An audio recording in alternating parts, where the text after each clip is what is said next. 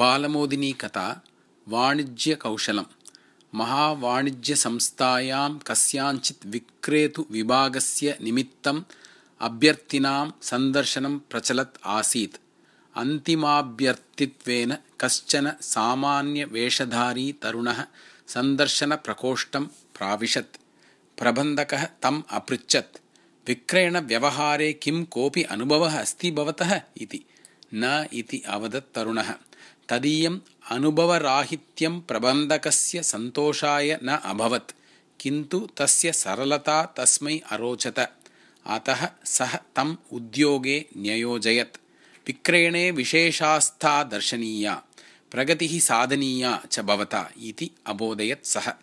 कश्चन कालः अतीतः प्रबन्धकः तम् आहूय अपृच्छत्।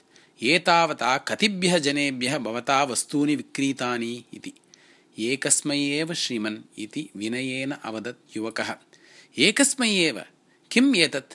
यदि उद्योगः रक्षणीयः तर्हि भवता वाणिज्यसामर्थ्यम् इतोपि अधिकतया दर्शनीयम् एव।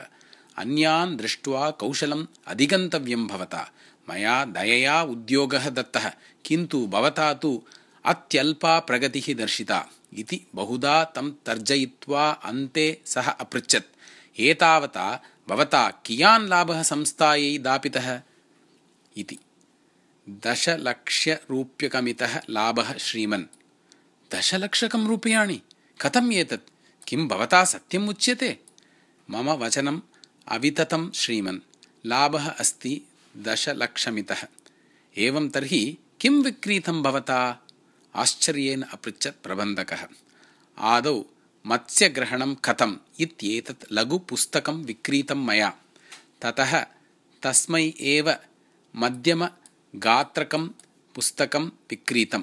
अनन्तरं तद्विषयकं बृहद्गात्रकं पुस्तकं विक्रीतं ततः मत्स्यग्रहणाय अपेक्षितानि साधनानि तस्मै विक्रीतानि। कथा कुतूहलकरी अस्ति। ततस्ततः ततः मया सः पृष्टः यत् मत्स्यग्रहणाय कुत्र गम्यते इति। समीपस्थे समुद्रे मत्स्याः गृहीष्यन्ते मया इति तेन उक्तं तदर्थं भवते नौका आवश्यकी इति बोधयित्वा मया तस्मै नौका विक्रीता। ततः समुद्रतीरे नौकायाः रक्षणाय भवतः वासाय च किं पटमण्डपः न आवश्यकः इति पृच्छन् अहं तस्मै पटमण्डपं विक्रीतवान्। सर्वाणि वस्तूनि नेतुं वाहनम् आवश्यकम् एव खलु इति तं बोधयित्वा वाहनम् अपि दापितं मया। किम् एतत् सर्वं कृतं भवता? एतावत् सर्वं साधयितुं कथं शक्तं भवता इति अपृच्छत् प्रबन्धकः कुतूहलेन। तदा सः तरुणः अवदत् श्रीमन् वस्तुतः सः शिरोवेदनानिवारणाय गुलिकां क्रेतुम् आपणम् आगतवान् आसीत्। तत्र स्थितेन मया सः बोधितः यत् शिरोवेदनानिवारणाय मत्स्यग्रहणे प्रवृत्तिः उत्तमः उपायः इति। ततः अग्रे यत् प्रवृत्तं तत् मया विवृतमेव। प्रबन्धकः महता आश्चर्येण तस्य तरुणस्य मुखम् अपश्यत्